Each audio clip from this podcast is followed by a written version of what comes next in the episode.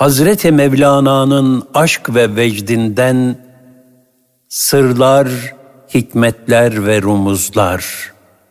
Osman Nuri Topbaş Kesrette vahdet Halk içinde hakla beraberlik Resulullah sallallahu aleyhi ve sellem buyurdu. İnsanların arasına karışıp onların ezalarına katlanan Müslüman, onlardan uzak durup ezalarına katlanmayandan daha hayırlıdır. İnsanlarla beraber olmanın eziyetleri vardır. Allah Resulü sallallahu aleyhi ve sellem de bu eziyetlere tahammülle daima tebliğin ve bunun bereketi olarak yüce bir rahmetin içinde olmuştur. Kesrette vahdet, halk içinde hakla beraberlik. Fani alakalar. Ayet-i kerimede buyurulur.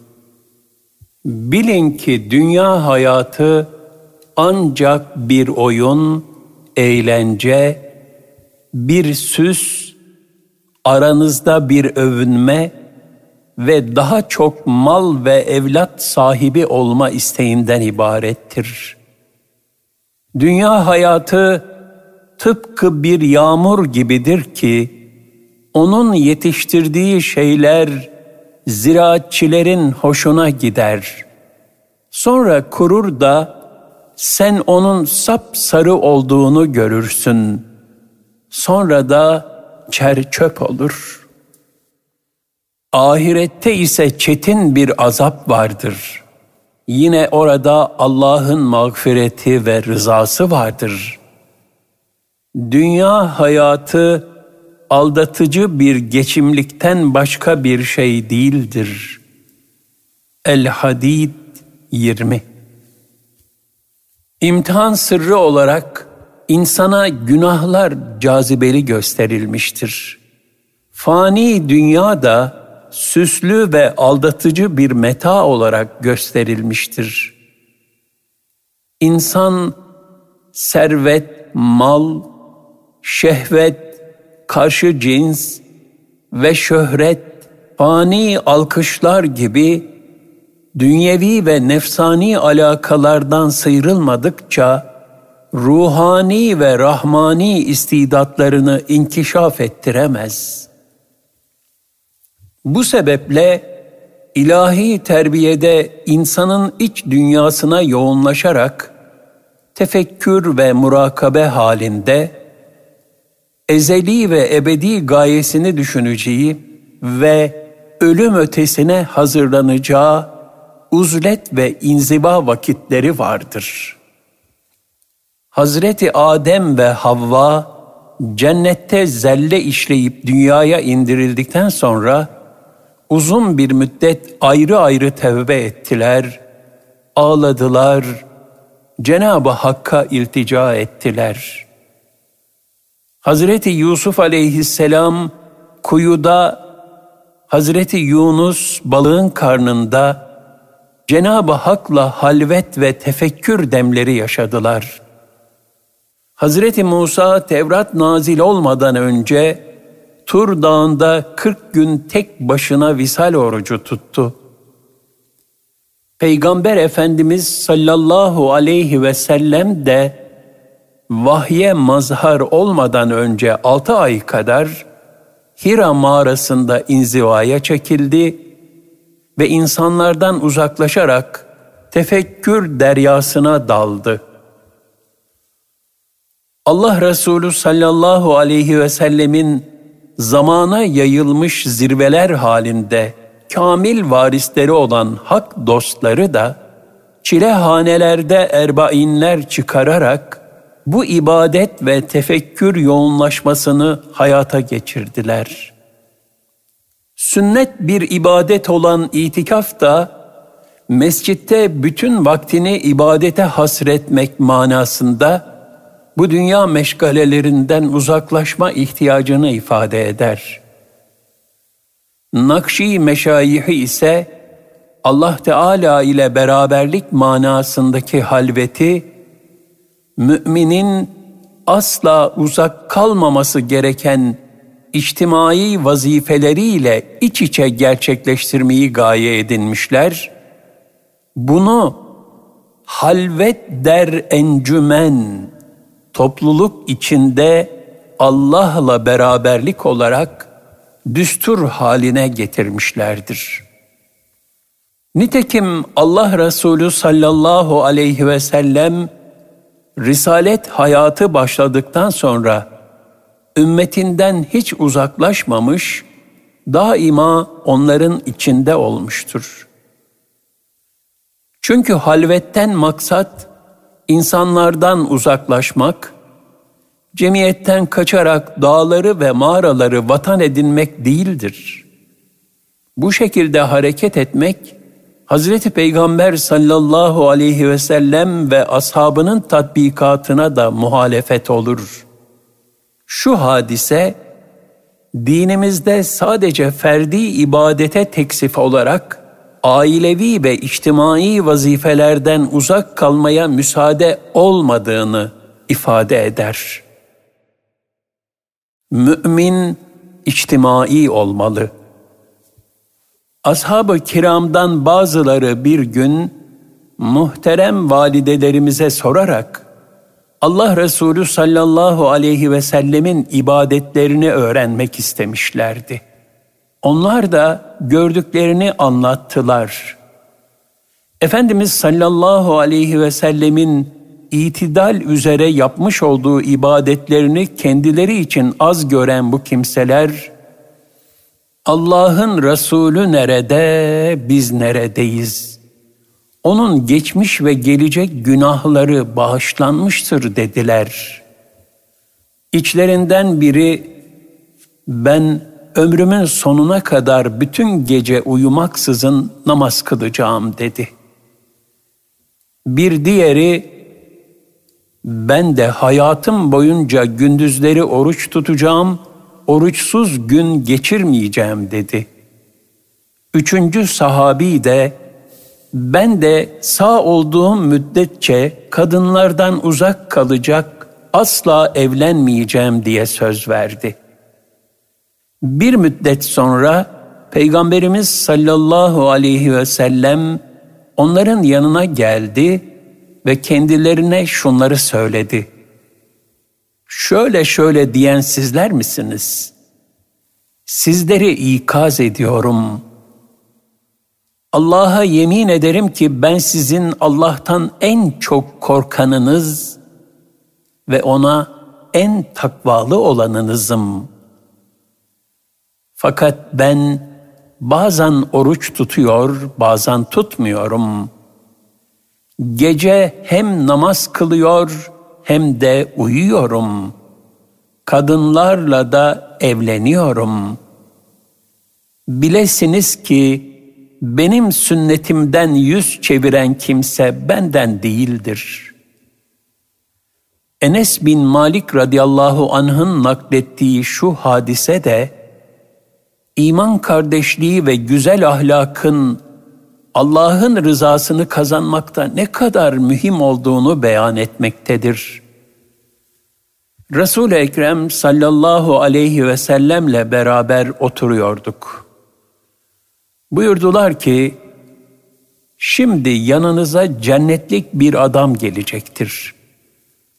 Bir de baktık ki, ensardan abdest suyu sakalından damlayan ve ayakkabılarını sol eline almış bir adam çıka geldi. Ertesi gün olunca Resul-i Ekrem sallallahu aleyhi ve sellem yine evvelki gibi söyledi. Bu adam yine önceki gibi çıka geldi.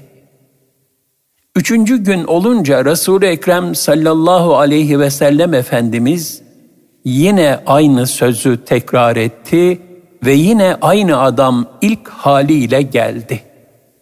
Resul-i Ekrem sallallahu aleyhi ve sellem kalkınca Abdullah bin Amr radıyallahu an o adamı takip etti ve ona ben babamla münakaşa ettim. Üç gün onun yanına gitmeyeceğime yemin ettim. Bu zaman zarfında beni evinde misafir eder misin? dedi. Adam da kabul etti. Daha sonra olanları Abdullah bin Amr şöyle anlattı. Üç geceyi onunla bir arada geçirdik. Fakat gece boyunca uzun uzun ibadet ettiğini görmedim. Ancak fecre kadar zaman zaman uyanıp zikretti ve tekbir getirdi. Onun hayırdan başka bir şey söylediğini de işitmedim. Üç gün geçince sanki onun amelini küçümser gibi oldum ve dedim ki, Ey Allah'ın kulu, babamla aramda bir ihtilaf yoktur. Fakat Resul-i Ekrem sallallahu aleyhi ve sellemin senin için üç kere şimdi yanınıza cennetlik bir adam gelecektir buyurduğunu işittim. Üç defada sen çıka geldin. Ne gibi ameller işlediğini öğrenmek için senin yanında kalmak ve seni örnek almak istedim. Fakat senin büyük bir amel işlediğini de görmedim.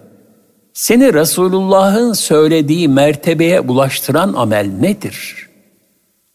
O zat şu gördüğünden başkası değildir dedi. Fakat ben ayrılmak için döndüğümde ardımdan seslenerek dedi ki, Evet, benim amelim senin gördüğünden başkası değildir.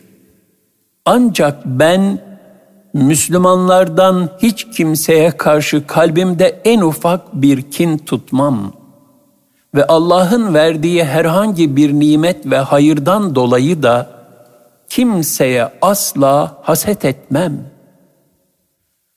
Bunun üzerine işte seni o dereceye ulaştıran bu halindir dedim.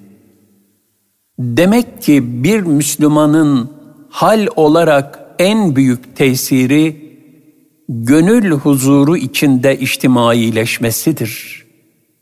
Bir Müslümanın diğer Müslümanlarla arasında hiçbir problem olmaması gerekir. Bir mümin kardeşlerine daima yardımcı olmalıdır. Bir Müslüman kendini diğer müminlerden mesul görmelidir. Onların zaaflarını telafi etmek gayretinde olmalıdır. Bir Müslümanın şiarı güzel ahlak tevzi etmesidir. Güzel ahlak da her türlü hasetten arınmak ve hiçbir mümine karşı zerre kadar kin tutmamak ve affedici olabilmektir. Zira Cenab-ı Hak Allah'ın sizi affetmesini istemez misiniz buyuruyor. En-Nur 22 Bir başka hadis-i şerifte de Resulullah sallallahu aleyhi ve sellem insanların arasına karışıp onların ezalarına katlanan Müslüman onlardan uzak durup ezalarına katlanmayandan daha hayırlıdır buyurmuştur. İnsanlarla beraber olmanın eziyetleri vardır.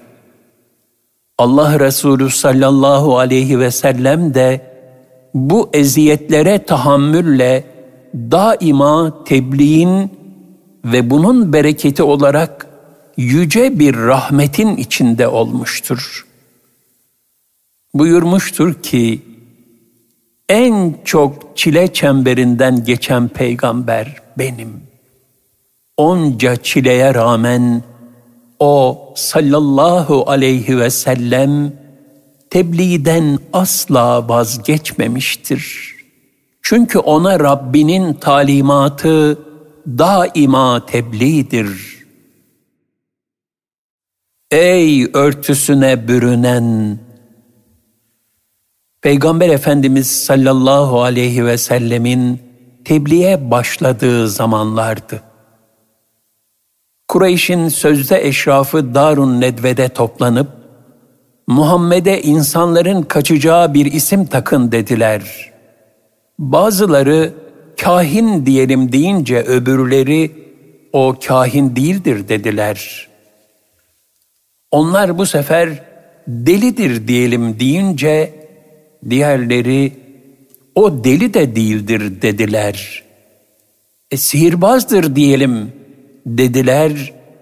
Yine başkaları e, o sihirbaz da değildir dediler. Bu çirkin yakıştırmalar ve ağır iftiralar Fahri kainat sallallahu aleyhi ve sellem Efendimiz'e giran geldi. Çok müteessir oldu. Bir nevi içine kapanarak elbisesine bürünüp örtündü. Cibril de gelip ona Müzzemmil suresinin ilk ayetlerini okudu. Ey elbisesine bürünen kalk. Hazreti Mevlana bu ilahi hitabı edebi bir şekilde tefsir ederek şöyle der. Rabbimiz buyurdu ki, Ey elbisesine bürünen, ey kötü kişilerden ürken kaçan, yorgandan dışarı çık. Yüzünü örtme. Çünkü dünya başı dönmüş, sapıklığa düşmüş bir bedendir. Sense akılsın. Kalk görün de sapıklık cihanı senin nurunla aydınlansın. Ey aziz peygamber! Davaya kalkışanların münasebetsiz sözlerinden sıkılıp gizlenme. Çünkü senin parıl parıl parlayan vahiy nurun var. Ey Mustafa sallallahu aleyhi ve sellem bu safa denizinin kaptanı ol. Çünkü sen o denizin ikinci bir Nuh'usun. Akıllı kişiler için her yolda, hususiyle deniz yolunda bir kılavuz lazımdır. Kalk da yola vurulmuş kervanın haline bak. Her taraf kaptanlık iddiasında bulunan gulyabanilerle dolu. Sen vaktin hızırısın ve her geminin kurtuluşu sendendir.'' Çünkü her geminin imdadına koşansın. Artık Hazreti İsa gibi yalnız yürümeyi bırak. Sen bu topluluğun önünde ruh aleminde gökteki güneş idin ve oralara nur saçıyordun. Şimdi halk arasından çekilmeyi, gizlenmeyi ve yalnızlığı bırak.'' yalnız kalmanın zamanı değildir. Topluluk arasına gel. Doğru yolu göstermek Kaf Dağı'na benzer. Sen de o dağın abidesisin. Dolunay geceleri gökyüzünün baş köşesinde yürür durur. Köpeklerin havlamaları yüzünden yürüyüp gezmekten kalmaz. Kınayanlar senin dolunayına karşı havlayan köpeklere benzerler. Senin yüce makamına karşı havlar dururlar. Bu köpekler susun buyruğuna karşı sağırdır. Akılsızlıklarından senin dolunayına karşı havlarlar.'' Ey hastalara şifa olan aziz peygamberimiz, Efendimiz, susun buyruğuna karşı sağır olanlara kızıp da ama değneğini bırakma. Amanın elinden tutana haktan yüzlerce sevap vardır, yüzlerce ecir vardır diye buyurmadın mı?'' amanın elinden tutup onu kırk adım götüren kişi bağışlanmıştır. doğru yolu bulmuştur diye buyurmuşsun. Öyleyse şu fani dünyadaki körler topluluğunun ellerinden tut da onları kafile kafile hakikate doğru götür. Rehberlik edenlerin işi budur. Sen de doğru yolu gösterensin. Sırat-ı müstakimin rehberisin. Ahir zamanın matemlerine saadet kaynağısın. Ey müttakilerin imamı! Bu hayale kapılanları tam inanca doğru götür. Diğer taraftan dinimiz, müminde güzel ahlakın kemale ulaşmasını arzu etmektedir. Güzel ahlakın birçok hasleti ise ancak insanlarla muamele halinde tecrübe olunabilir. Cömertlik, merhamet, af ve fedakarlık gibi hasletler ancak tatbikatta zuhur eder. Sözde değil, özde cömert olunabilir. İnsanlardan uzak yaşayan bir kimseninse bunu tatbik imkanı olmaz. İnsanlardan kaçarak sadece ferdi ibadetlerle meşgul olan kişi irşattan, tebliğden, emri bil maruf ve nehi anil münkerden uzak kalmış olur. İmam Rabbani Hazretlerine göre istikametli bir şekilde tebliğ ile meşgul olan ilim talebeleri tebliğ ve hizmeti önde tutmayıp sadece kendini kurtarmayı düşünen tasavvuf erbabından üstündür. Çünkü tebliğ vazifesini yerine getirmek yaratılmışların en faziletlisi olan peygamberlerin yoluna ittiba etmektir. Lakin kendisini irşad edemeyen kişi başkasını irşad edemeyeceğinden tasavvuf önce kişiye kendisini inşa yolunda yardım eder. Ona kalbi merhaleler kazandırır.'' Salik manevi kemalata ulaştıktan sonra ise halkı hakka davet için insanlar arasına karışır. Nübüvvet makamı ekseninde bir nasibe ererek tebliğ vazifesine dahil olur. İçtimaileşmek, bir araya gelmek, iyilik ve takva üzere yardımlaşmak, emri bil maruf ve nehi anil münker vazifelerini eda etmek, toplum halinde Allah'ın davetine icabet etmek demektir. Ayet-i kerimede buyurulur, siz insanların iyiliği için ortaya çıkarılmış en hayırlı ümmetsiniz. İyiliği emreder, kötülükten men edersiniz. Ali İmran 110 Mümin önce kendisini irşad edecek, ardından muhitini ve toplumu irşad edecek. İmanın en mühim meyvesi merhamettir. Sadece kendini düşünmek merhametsizliktir.'' Şeyh Sadi Hazretleri buyurur. Adem oğulları bir bedenin azası gibidirler. Çünkü yaratılışları bir mayadandır. Aynı özden yaratılmışlardır. Günün birinde vücuttaki azalardan biri ağrırsa, öteki azaları da rahatsız olur.'' Başkalarının dert ve acılarıyla muzdarip olmazsan, sen insan diye adlanmaya layık değilsin. İçtimaileşme zarureti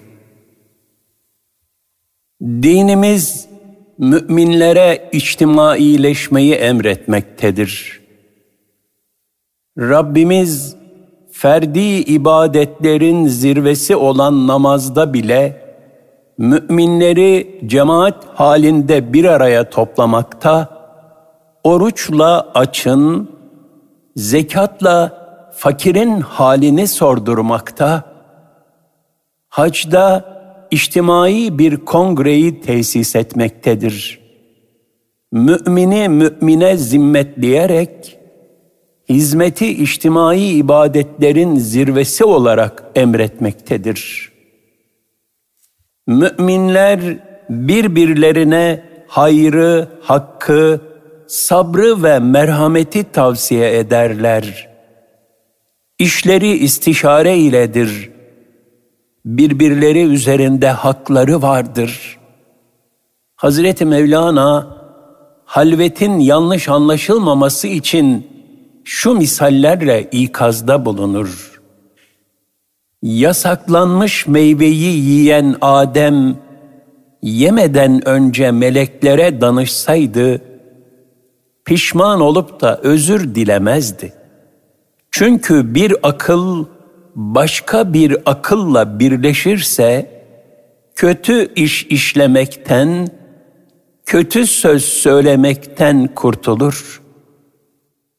Fakat nefis başka bir nefisle dost olursa, cüz'i akıl işsiz güçsüz kalır, bir iş göremez olur. Yani uzak kalınması gereken gafillerdir. İnsanlar bir takım müşterek noktalarda bir araya gelirler. Eğer gaflet, nefsaniyet, ve benzeri şerli bir ortak noktada bir araya gelir ve yardımlaşırlarsa bundan elbette kötülük doğar. Fasıkların sürüklediği Sodom, Gomorre, Pompei gibi toplumlar helaklere yuvarlanmış insanlık enkazları halindedir.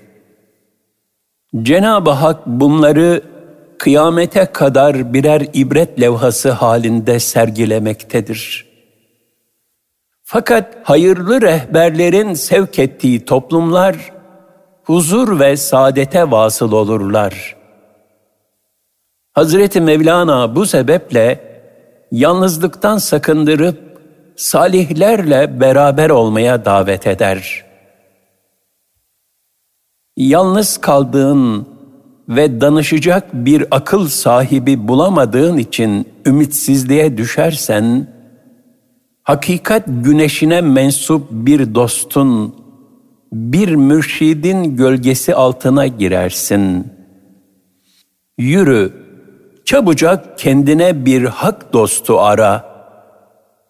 Böyle yaparsan Allah senin dostun olur, yardımcın olur.''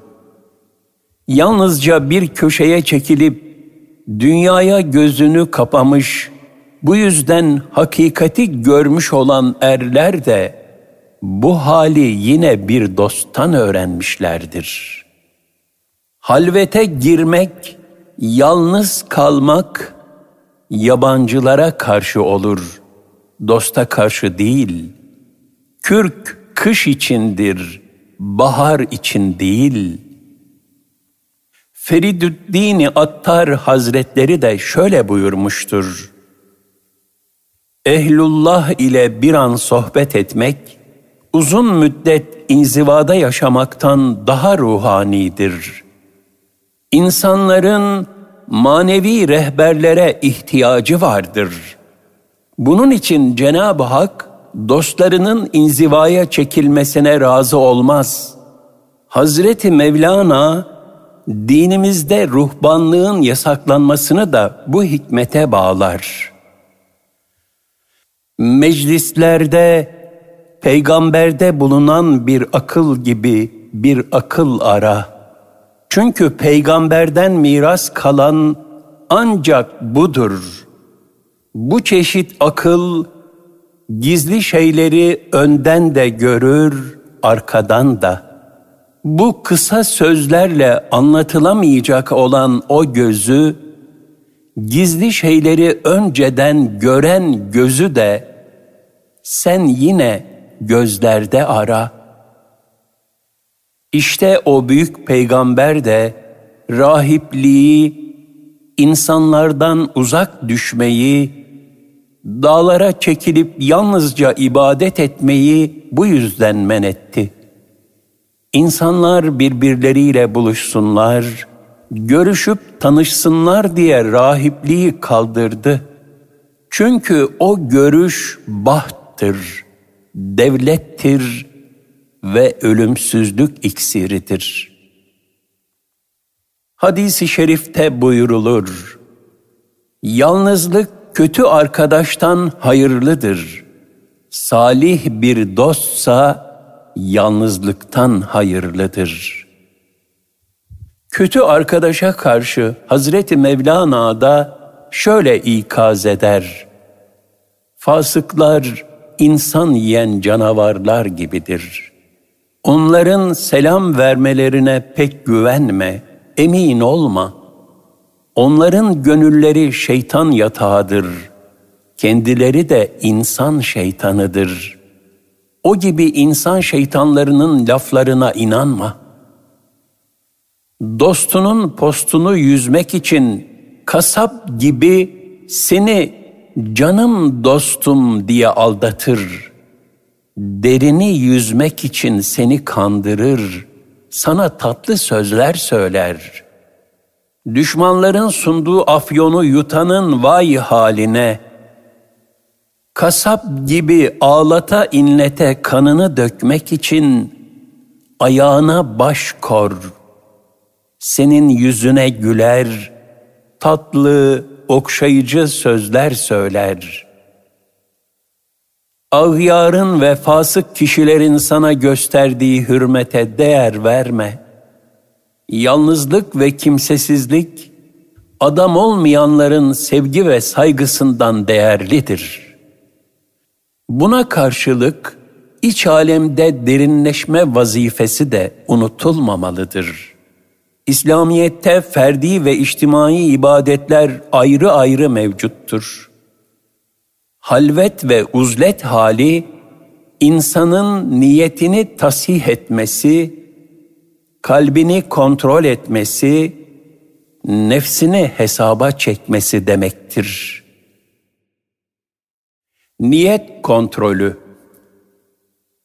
Kalabalıklar içinde insan fani iltifatlara aldanabilir. Allah muhafaza ameline riya karışabilir. İmam Gazali, Aziz Mahmud Hüdayi ve Halid-i Bağdadi gibi hak dostlarının büyük içtimai hizmetler içindeyken bu muhasebe ile her şeyi terk edip bir müddet inzivaya çekilmelerinin hikmeti budur.'' Hazreti Mevlana bu nefis muhasebesini şu kıssayla anlatır. Ayyazi adında bir hak dostu dedi ki, belki bir yara alırım ümidiyle tam doksan kere zırha bürünmeden çıplak göğüsle savaşa girdim. Beni öldürecek bir ok yerim ümidiyle çıplak göğsümü oklara tuttum. Tenimde ok yarası almayan bir yer kalmadı. Fakat oklar beni öldürecek bir yerime gelmedi. Şehitlik nasip işidir. Yiğitlik akıl ve idrak işi değil. Şehitlik nasip olmayınca Küçük cihattan büyük cihada döndüm, halvete girdim, çile çekmeye koyuldum. Bedenimi en büyük cihada attım, kendimi riyazata verdim. Az uyudum, az yedim, az içtim, zayıflamaya koyuldum. O sırada kulağıma gazilerin davul sesleri geldi. Gaziler hızla savaşa doğru yürüyorlardı. Bir sabah vaktiydi. Nefsim içimden bana seslendi. Onun sesini can kulağı ile duydum. Nefsim bana kalk diyordu. Sabah vakti geldi. Yürü kendini savaşa at. Ona ey habis, ey vefasız nefis dedim. Sen kim, bu cihat iştiyakı kim? Ey nefis, doğru söyle. Bu istek bir hile olmasın. Yoksa kendini şehvete kaptırmış olan nefis, ibadete, kulluğa yanaşmaz bile. Eğer doğru söylemezsen, senin üstüne atılırım, seni riyazatla daha fazla sıkıştırırım, daha fazla hırpalarım. O anda nefsim, dilsiz dudaksız, sessiz sadasız güzel bir ifadeyle içimden seslendi. Sen beni her gün öldürüyorsun. Canımı imansızların canı gibi işkencelerle sürükleyip duruyorsun. Hiç kimsenin benim çektiğimden haberi yok. Sen beni uykusuz, yemeksiz bırakmakta, beni yavaş yavaş öldürmektesin. Savaşa girerim. Can alıcı bir yara ile şu bedenden sıçrar, çıkar kurtulurum. Halk da benim yiğitliğimi, erkekçe can verişimi görür, beğenir. Nefsime dedim ki, ey zavallı nefis, hem münafık olarak yaşayacak, hem de münafıkça öleceksin öyle mi? Sen nesin? Sen nasıl bir varlıksın? İki dünyada da müraisin, gösterişçisin, yüze gülücüsün. İki dünyada da hiçbir işe yaramazsın. Hazreti Mevlana Allah'la beraber olma manasında halvetin hikmetini şöyle izah eder. İnsan yalnızken yani halvetteyken bedeni ne yaparsa yapsın onu ne erkek görsün diye yapar ne de kadın görsün diye yapar. Halvetteki hareketi de ancak hak içindir.'' Oturup dinlenmesi de hak içindir. İnsanın halvette Allah'tan başka niyeti olamaz. Bu nefisle mücadele büyük savaştır. Bildiğimiz harp küçük savaştır. Fakat her ikisi de Hazreti Ali radıyallahu an gibi yiğitlerin keyfiyetidir.'' Demek ki halvetle arzu edilen şey niyet tasihidir. Riya ve ucuptan kurtulmak için insanın iç dünyasında Cenab-ı Hak'la baş başa olduğunu idrak etmesidir. Amelini yalnızca O'nun rızası için, O'nun kabulü için ifa ettiğinin şuurunda olmasıdır.'' Bu kıvamı yaşayan bir Allah dostu şöyle der. Kalabalıklar içinde ondan ayrı kalıyor ve kendimi yalnız hissediyorum. Kalabalıktan sıyrılınca da onunla beraber olduğum için yalnızlıktan kurtuluyorum. Kalp seviye kazandıkça Cenab-ı Hakk'a iştiyak artar.'' O müteal zata yaklaşabilmek için de hak dostlarına iştiyak artar.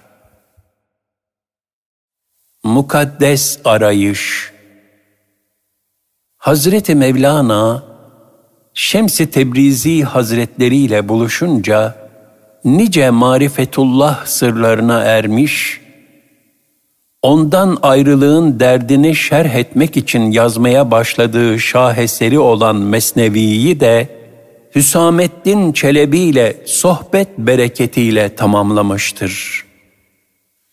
Hazreti Mevlana kamil insana olan iştiyakını şöyle anlatır. Bir gece vaktiydi. Evimden dışarı çıktım.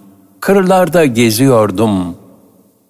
Bir adamcağızın elinde fenerle dolaştığını gördüm.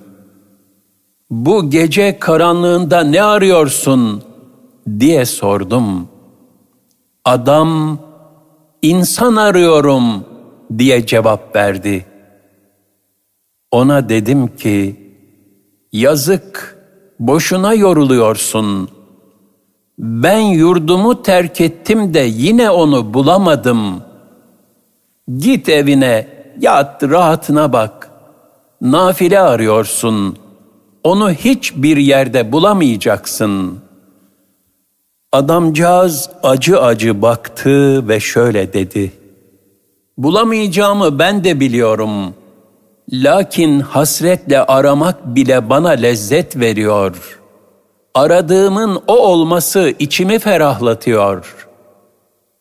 Feridüddin Attar Hazretleri de tıpkı onun gibi kendisini anlayacak ve sırrını taşıyabilecek bir dost bulamamanın sıkıntısı içinde yaşamıştı.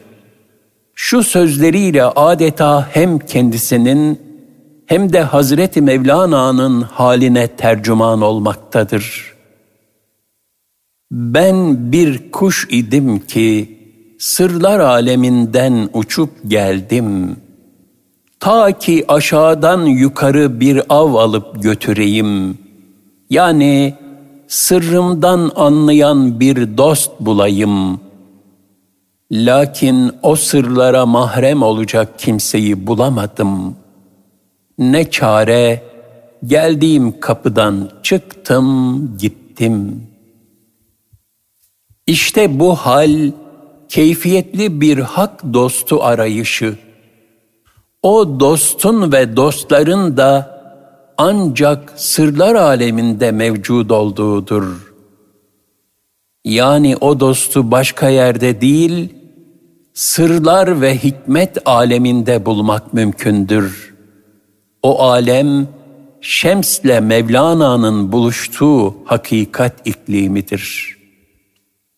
Ehlullah Hazeratı Cenab-ı Hakk'ın gönüllerine verdiği bu iştiyakla nice gönülleri teskiye etmiş, nice hikmet dolu eserler vücuda getirerek asırlara manevi rehberlik etmişlerdir.